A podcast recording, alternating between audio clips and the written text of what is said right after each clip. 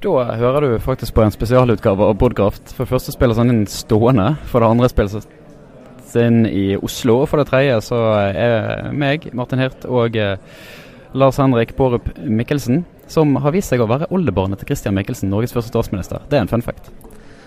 Ja, det er fun fact. Eller det vil si at jeg kan ikke bekrefte det. Fordi at, uh, men jeg kan ikke avkrefte det, for Christian Mikkelsen hadde et veldig utagerende sosialt liv, sies det.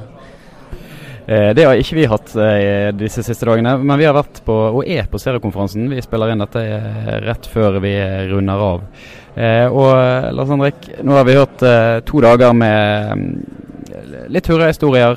Dagens Næringsliv var til dels kritiske på lederplass i dag om at man er for optimistiske. man kan jo få troen på at det går bra, dette. Ja, Dette er jo en konferanse hvor det er på en måte gladhistoriene som, som, som preger.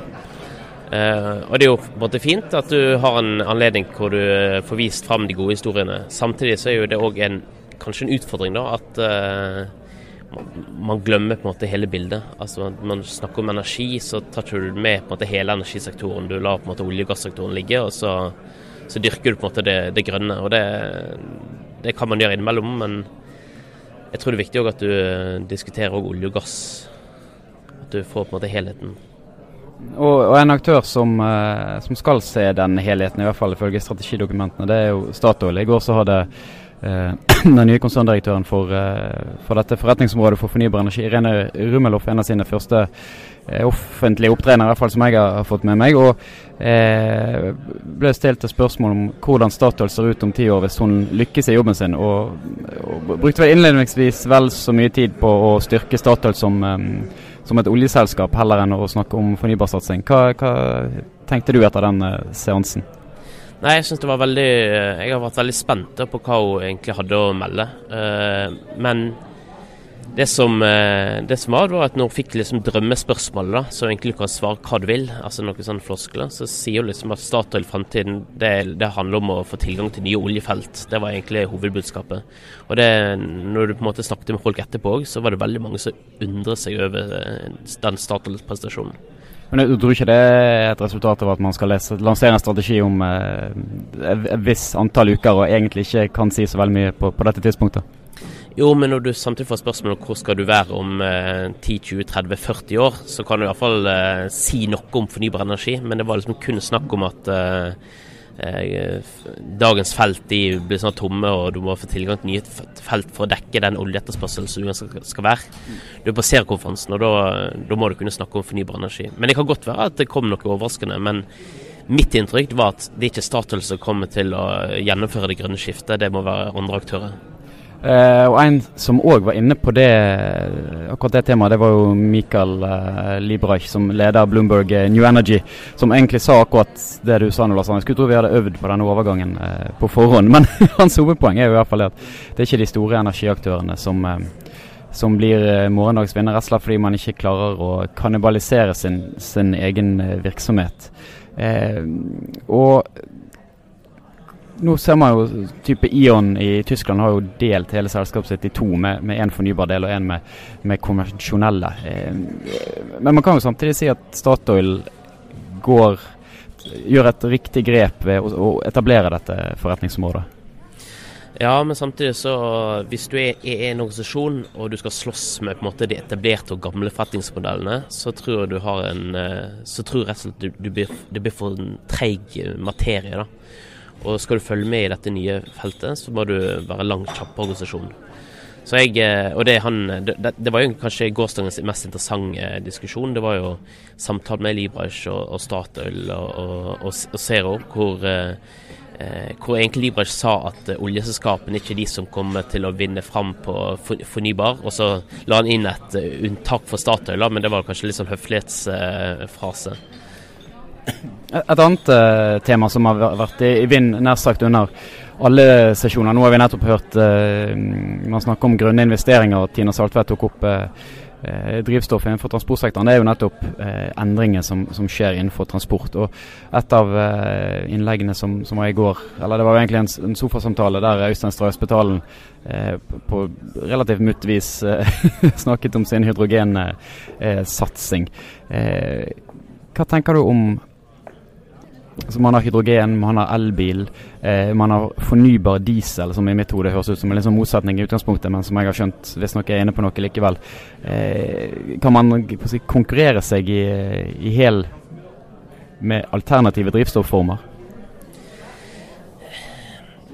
Jeg tror, tror, det heller på en måte Jeg tror på en måte dette er teknologier som langt på vei eh, passer sammen. da. Altså El det går til viss grad, hydrogen har lang, lengre rekkevidde osv. Så, videre, så har de pluss og minus begge deler. Men eh, men det, det som mitt inntrykk er liksom at her er det veldig mange løsninger som etter hvert begynner å bli modne for i alle fall å altså rulle ut i stadig større fart.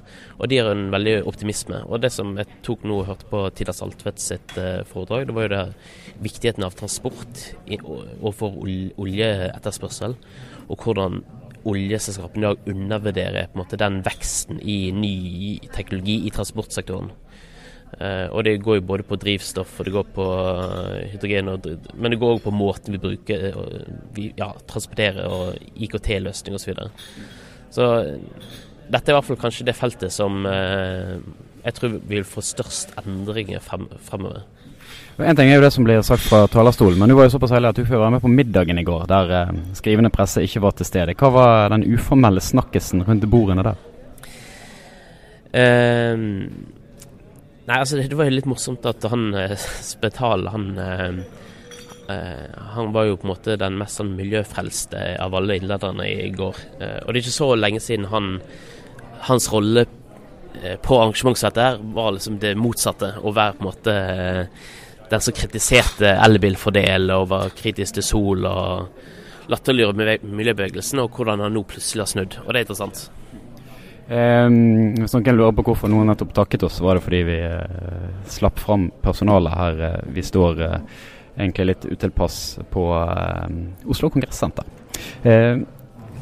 det som òg gjorde inntrykk på meg, det er jo um, altså vi, vi, hørte jo i går den tyske energiministeren Rainer um, Bake, som er en av arkitektene bak, bak energiomleggingen, egentlig si at nå er det ikke spørsmål om teknologi, nå er det um, rett og slett det å bygge god nok infrastruktur eh, for å, å, å, få på plass, eller håndtere alle den flyktige vind- og, og, solenergien, og at hun nå går inn i, i neste fase.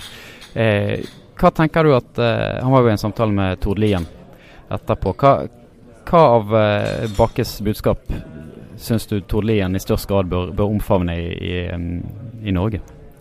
Altså Det som kom så tydelig fram, det var jo at når på en måte den tyske ministeren da eh, snakket, så presterer det som at eh, her er det store endringer. Energimarkedene er i stor endring, og vi vet ikke helt hvordan framtiden ser ut. Men det kommer til å være store skift.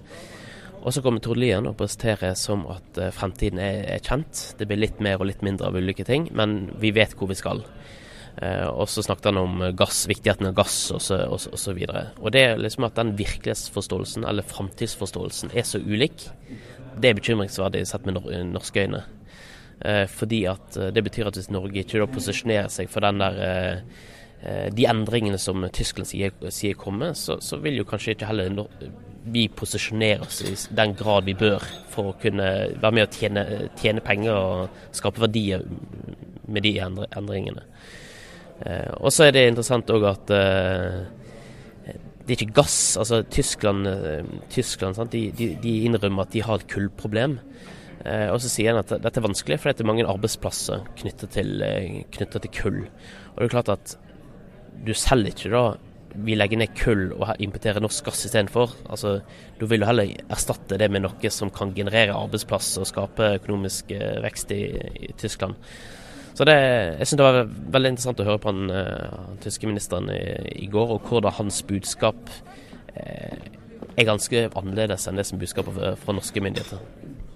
Takk til deg, Lars Henrik. Nå har vi gjennomført vår første, første stående podkast. Neste gang håper jeg vi sitter ned i et uh, studio igjen. Vi er tilbake med en ny episode av Podkraft neste uke.